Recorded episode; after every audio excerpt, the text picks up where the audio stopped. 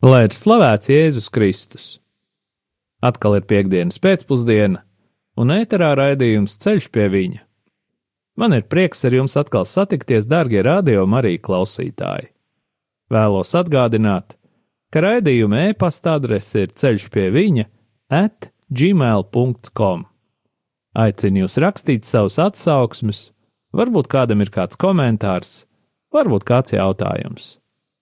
Esmu pateicīgs visiem tiem cilvēkiem, kuri atceras mani un pārējos radiomu arī darbiniekus un brīvprātīgos savās lūkšanās.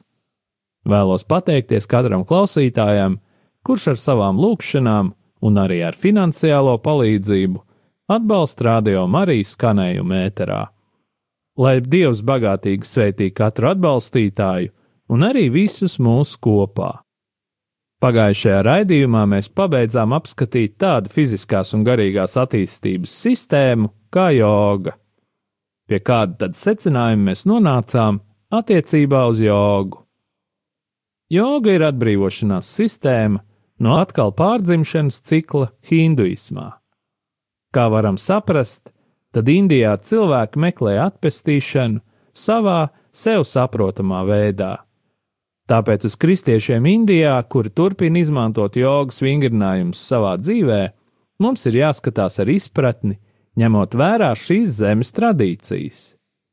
Ja mēs lūkojamies uz tendencēm Eiropā, kura ir zeme ar kristīgām tradīcijām, tad jogas ienākšana cilvēka garīgajā un fiziskajā attīstībā ir traktējama kā aiziešana no Jēzus Kristus ceļa. Protams, ka katrs mēs esam tiesīgi brīvi izvēlēties savu ceļu, jo brīvo gribu Dievs mums ir devis kā lielāko dāvanu. Taču es aicinātu katru klausītāju atcerēties Pāvila vēstuli korintiešiem 6. nodaļas 12. pantu. Viss man ir ļauts, bet ne viss man der. Viss man ir ļauts, bet nekam pār mani nebūs varas. Pat ja mums nodarbojoties ar jogu, izdodas pasargāt sevi no šī hinduistiskā fona tiešā veidā, jo varam jau ar mantru vietā mēģināt lūgt tēvreizi vai koncentrēties uz kādu svēto. Mēs tāpat kļūsim atvērti ļauno garu uzbrukumiem, jo pats vārds joga jau nes hinduistisko pirmkodu, un pašam vārdam kā tādam ir spēks un vara pār mums. Mēs visi zinām, kā iesākas Jāņa evaņģēlijas Iesākumā bija vārds, un vārds bija pie dieva, un vārds bija dievs. Caur šo tekstu Dievs atklāja, cik vārdiem ir liela nozīme mūsu dzīvēs. Nākošā tēma, ko mēs aplūkosim, ir fiziskās un garīgās attīstības sistēma dzenbudisms. Šī sistēma pēdējos gados ir iegūjusi lielu popularitāti. Neskatoties uz to, ka pēdējā laikā ir sarakstītas daudzas grāmatas, kuru autori garīgajos meklējumos tieši pieturas vai nepieturas pie dzenbudismu tradīcijām, joprojām pastāv neskaidrība par dzenbudismu būtību. Vai dzenbudisms ir atbrīvošanās no pārdzimšanas cikla, psiholoģiska sistēma vai reliģija? Tādi vadošie autori kā Suzuki, un Alans Vats uzskata, ka dzenbudisms nav filozofija un nav reliģija. Es vēlētos iebilst, jo uzskatu, ka šāds redzējums ir absolūti nepareizs. Par to es aicinu pārliecināties katru no jums. Aiz šķietam iracionālā un dīvainā dzenbudisma meistara runas veida un izturēšanās stila slēpjas filozofija vai pasaules redzējums, kas ir viegli izprotams ar prātu. Kā pats Suzuki ir teicis, dzenbudisma būtība ir iegūt jaunu redzējumu uz dzīvi un lietām kopumā. Vēsturiski vārds dzen nāk no Japānas un nozīmē meditāciju. Kopumā dzenbudisms tiek uzskatīts par budisma veidu, kurš ir radies pakāpeniski saplūstot indiešu vai Mahajānas budismam ar ķīniešu mentalitāti. Pirmsākumu šai mācībai saistīta ar Šakja Muni Buddu, kurš saskaņā ar dzenbudismu tradīciju, klusējot sēdējis, virpinājis puķi starp pirkstiem un ne vārda nerunājot, savam skolniekam Kašie Pamam nodevis dharmu. Dharmu Indijā viens otram tālāk nodod 28 godājamie tēvi. Zem vārda dharma mēs varam saprast mūžīgo morāles likumu, kā arī indivīda pareizas dzīves principu kopumu. Pēdējais indiešu lielmeistars Bodhidharma mūsu ēras 520. gadā dzenbudismu ieveda Ķīnā. Pēc Bodhidharmas sastais ķīniešu lielmeistars Hujei Nenks, kas dzīvoja no 638. līdz 713. gadam, skaitījās faktiskais dzenbudismu pamatlicējs Ķīnā. Viņa laikā formējās konkrētas dzenbudismu būtiskākās raksturiezīmes, uz kurām balstoties tika veidotas visas vēlākās skolas. Lai gan dzenbudisms jau 7. gadsimtā tika ievests Japānā, tas īsti attīstījās tikai Kamakura periodā no 1187. līdz 333. gadam. Japāņu priesteris Jeisai, kurš vairākus gadus studēja Ķīnā, pēc kā dzenbudismu formu rindzai ieveda Japānā.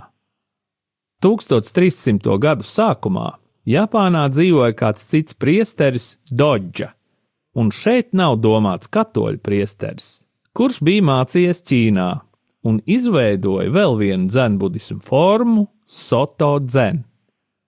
Kamakuras valdīšanas laikā Rindzai sektu guva lielu piekrišanu, un tai pievienojās daudz sekotāji, īpaši samurai, kas bija Japāņu karotāji.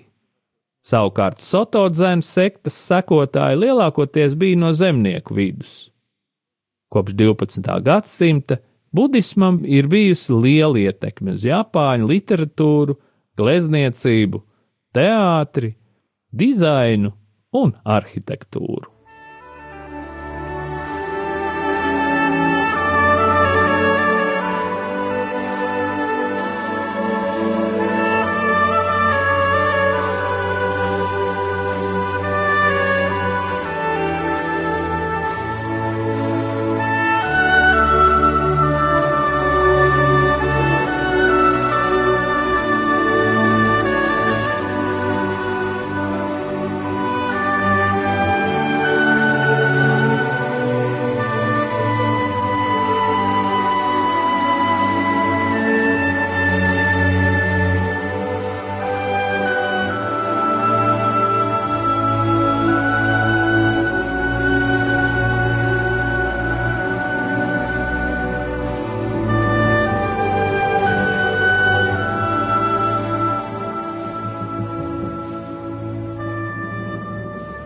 Lai varētu izprast iespējamās dzēnbudismu pamatvērtības, ir jāizprot dažas no Mahajāna budismu pamatdomām, kā tās stādītas priekšā Madhijamika un Joga čāras skolās.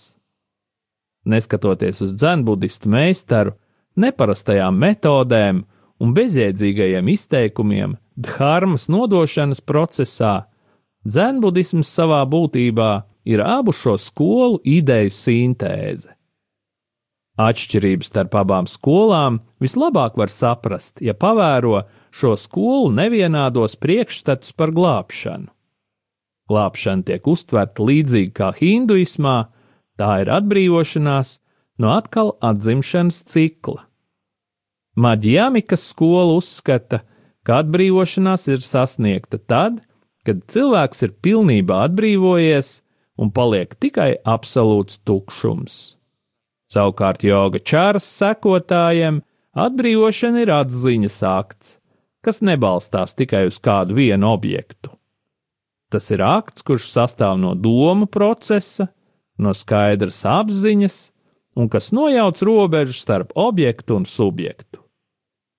Madhjamika uzsver kritisko analīzi, turpretim joga čāra par īpaši svarīgu uzskata meditāciju. Vēl ir jāpiemina, ka agrākā budisma skatījums uz nirvānu radikāli izmainījās šo abu skolu domāšanas ietekmē. Agrāk budismā nirvāna tika uzskatīta par pilnvērtīgas svētlaimes stāvokli, kas sasniedzams ar reliģisku praksi, kuras mērķis bija atbrīvoties no mūžīgajām ciešanām vai sāmsaras. Indiešu mahajāna budistiem par to bija citādāk priekšstati. Joga čāra uzskatīja, ka viss tas ir tikai gars, bet maģjāmika pārliecība bija, ka viss ir tukšums. Loģiski tas noveda pie pieņēmuma, ka samsara un nirvāna ir identiskas. Ķīnieši atzina šī pieņēmuma iedarbīgumu. Viņu izpratni par dzenbudismu skatījumu un realitāti balstījās uz indiešu mahajāna budisma un ķīniešu domāšanas sintēzi. Kāda tad bija ķīniešu ietekme uz dzenbudismu? Noteiktas dzenbudisma rakstura īpašības viennozīmīgi ir ietekmējusi ķīniešu reliģija. Taoisms, kas ir tradicionālā ķīniešu reliģija, tika atdzīvināts starp 3. un 6. gadsimtu un piedāvāja savas domāšanas kategorijas, ko ķīnieši izmantoja, interpretējot budismu. Taoisma pamatā ir ticība, ka aiz visa redzamā un sajūtamā stāv Tao, kas ir nemainīgs un mūžīgs princips. Tao ir visa tā, kas eksistē visumā, cēlonis, kas visu izraisīja spontāni, miedarbojieties diviem spēkiem, iņ kas ir pasīvais princips, un jāņa, kas ir aktīvais princips. Visu, kas eksistē jutekliskajā, taustāmajā pasaulē, glāb te princips, kas visam piešķir individualitāti, un līdz ar to arī Tao. Tā kā Tao ir klātesošs jutekliskajā, taustāmajā pasaulē, cilvēka dzīvē ir jābūt saskaņā ar Vūvēju principu kas nozīmē pasivitāti vai vēl labāk negribētu. Šī pasīvā izturēšanās ļauj cilvēkam dzīvot spontāni, saskaņā ar dabu un harmonijā ar Tao. Šis realitātes redzējums izmainīja ķīniešu izpratni par tukšumu. Turklāt maģiāmikas mācība šo negatīvo aspektu tikai pastiprināja. Tā kā tie bija Mahajāna budisti, viņi vēlējās meklēt patiesību caur sevis novērošanu. Šāda attieksme noveda pie atteikšanās no jūtu pasaules.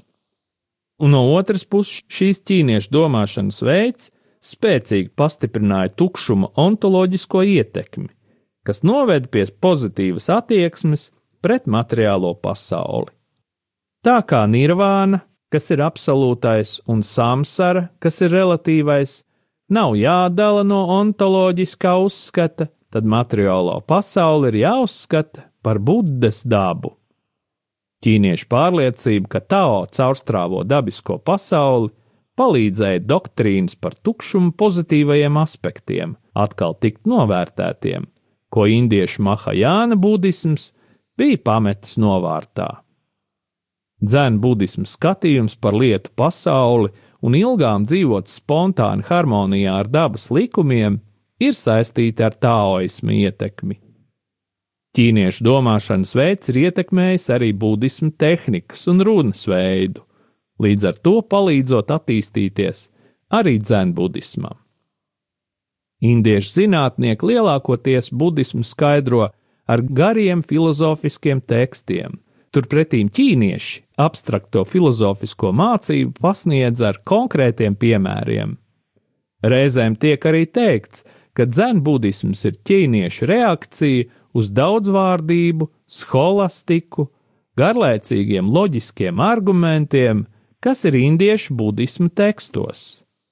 Dzēna koāna budismu attīstības sistēma ir uzskatām par skaidru piemēru tam, Tā ietver sevī slavenu dzēnu meistaru sarunu krājumu ar saviem skolniekiem, kas tiek izmantoti dharmas nodošanas brīdī.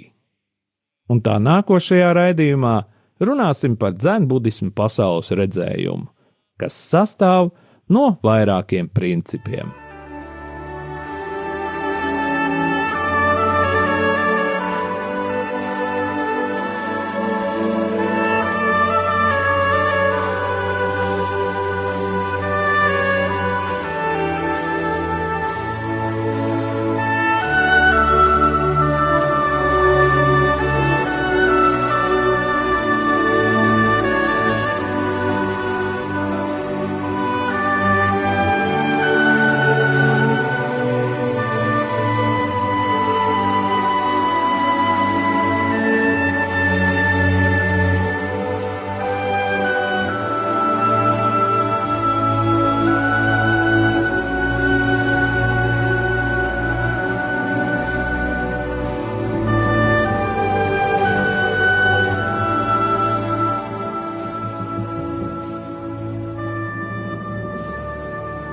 Un tā atkal prom no maldiem.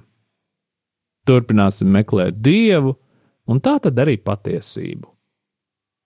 Sirdsapziņu mēs varam salīdzināt ar radio uztvērēju. Dievu ir iespējams satikt arī ārpus dabas, un tā ir mūsu sirdsapziņa. Ja cilvēks jūt, ka nedrīkst citus ienīst, ja jūt, ka cilvēki ir jāmīl, tad ir skaidrs, kad esi uz pareizā ceļa.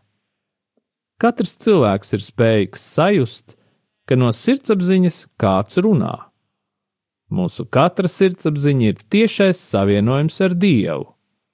Tāpēc pat tad, ja daudzi cilvēki būtu pārliecināti, ka vienu cilvēku vajag nogalināt, lai izglābtu pārējos, bet savukārt viens cilvēks apgalvotu, ka tā nedrīkst rīkoties, viņa pārliecība kaut arī pretēji pārējo cilvēku lēmumam, būtu pareiza. Kad cilvēki atdod savu dzīvību par dzimtenes brīvību vai par mīļoto cilvēku, padomā par to. Sirdsapziņa ir svarīgāka.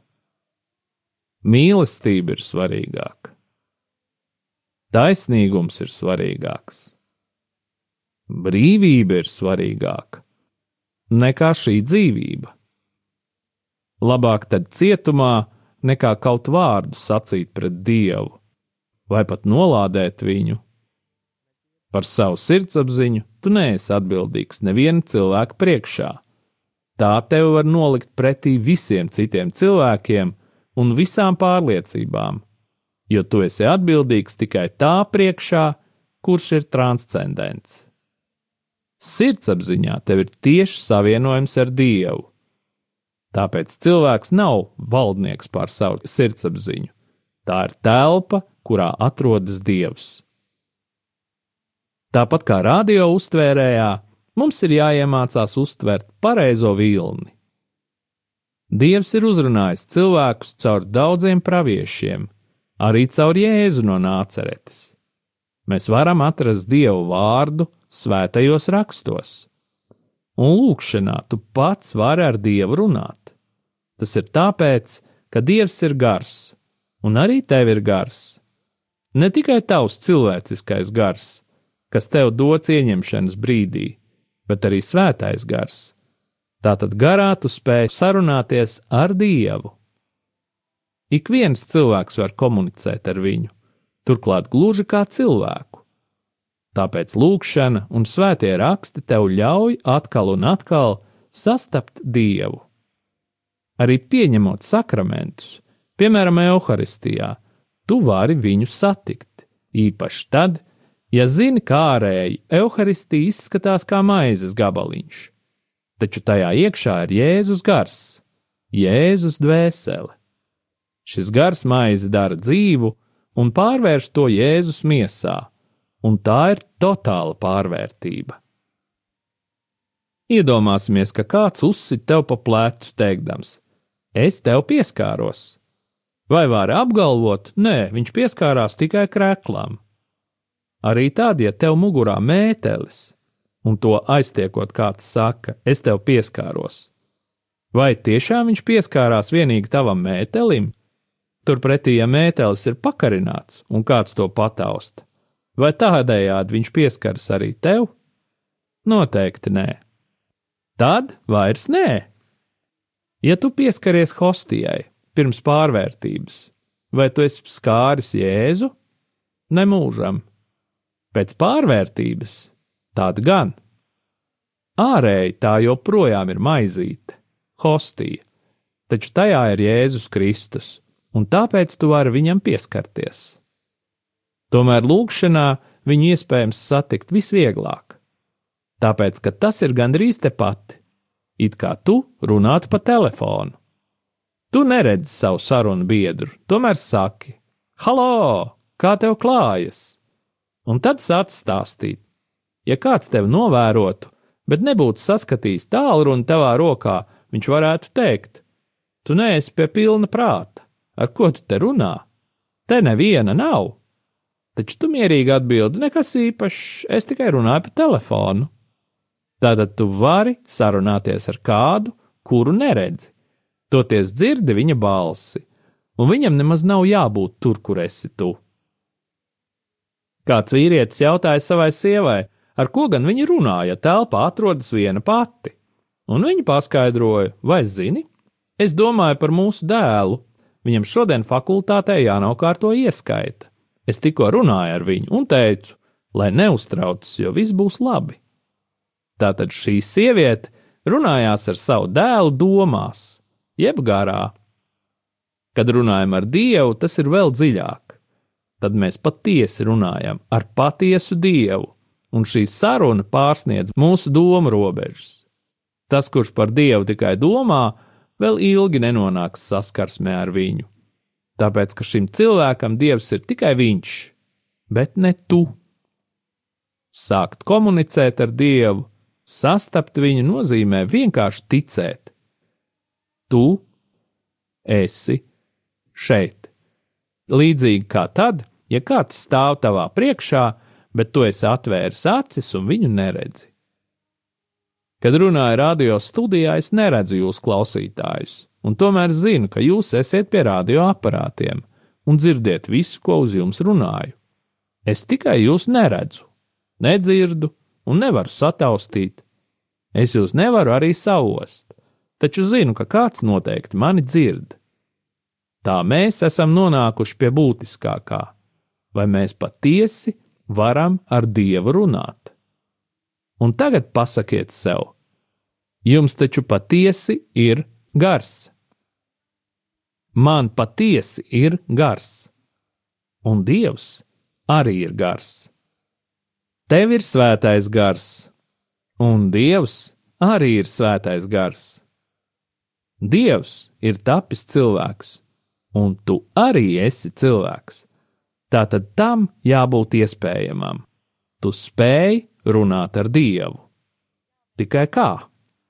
Un es aicinu jūs apsēsties un varbūt pirmo reizi mūžā teikt: Dievs, tagad es mēģināšu runāt ar tevi citādi un es ticu, ka kaut kas notiks. Es katru dienu lūgšos tā, citādi. Un tagad nostājies Dieva priekšā un 15 minūtes stāvi Dieva priekšā. Tavā priekšā, ticēdams, ka tu esi patiesi ticēdams. Šāda ticība, šāds akts palīdzēs tavai apziņai. Dievs ir tavā priekšā.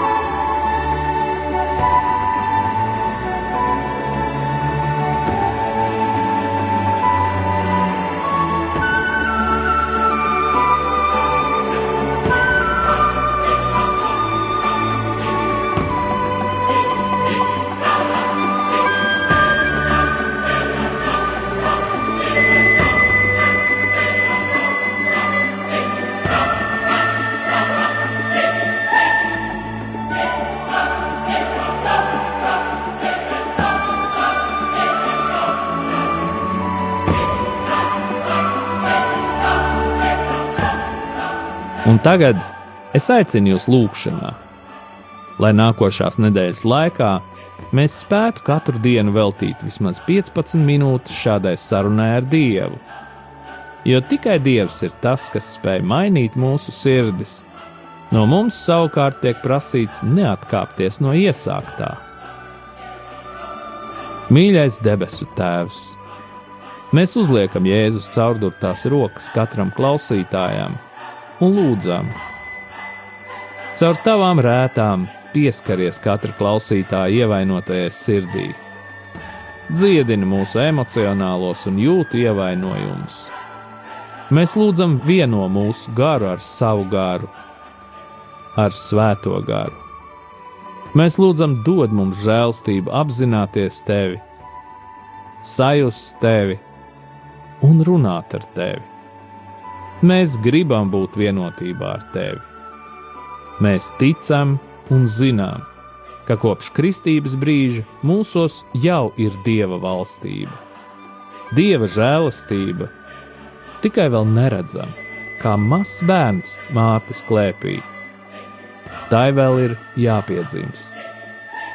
Jēzus saka: Patiesi es jums saku, daži no tiem, kas šeit stāv, nāvi nebaudīs, pirms nebūs redzējuši dievu valstību ar spēku atnākam. Mēs lūdzam, kungs, lai mēs būtu tie dažie. Dod mums, kungs, šo žēlastību. Tāpat kā apstuļi pirms vasaras svētkiem nebija saņēmuši svēto garu, viņi nespēja nec brīnumus darīt, nec dieva darbu īstenot. Tāpat arī mums ir jāpiedzimst garā. Kungs dod mums šo žēlastību tagad un tūlīt. Lai vasaras svētku gars, svētais gars nonāk pār mums. Mēs gribam piedzīvot tavus brīnumus, mēs gribam, lai mūsu sirdis tiktu izmainītas. Saņemt svēto garu nozīmē iemantot viņa spēku, lai uzvarētu grēku, un kas ir pirmais solis saraut savus saites ar grēku un ļaunumu. Dod mums, kungs, ticības dāvanu, tādu kā mazo sinepju graudiņu. Ticēt nozīmē atvērties dieva žēlastībai un viņa klātbūtnē. Ticība rodas, kad dievu vārdu, kas mums pasludināts, mēs pieņemam kā patiesību. Komuniju mēs varam saņemt tikai ticībā ja atraidām Dieva vārdu, nevaram Jēzu Kristu pieņemt arī maizē. Jēzu, tevī var dzīvot tikai tad, ja viņa vārds ir tevī. Kas mani mīl, tas manu vārdu turēs, un arī mans tēvs to mīlēs, un mēs nāksim un taisīsim pie viņa māju vietu. Bet ik viens, kas šos manus vārdus dzird un nedara, ir līdzināms nejēgam, kas savu namu būvējis uz smiltīm. Tu sāksi dzīvot, kad sāksi lūgt. Kur cilvēki lūdzas, tur mājos svētais gars. Un tagad saņemiet pāvesta Franciska svētību. Kungs Jēzus Kristus, lai ir pār mums, lai mūs svētītu, lai ir pie mums, lai mūs pavadītu un lai ir arī jums un mums, lai mūs aizsargātu. Lai mūs svētī Dievs Tēvs un Dēls un Svētais Gars, lai asins un ūdens, kas izplūd no Jēzus Kristus sirds, izplūst pār mums un lai šķīstī, atbrīvo un dziedina. Dieva tēva un dēla un svētā gara vārdā Āmen!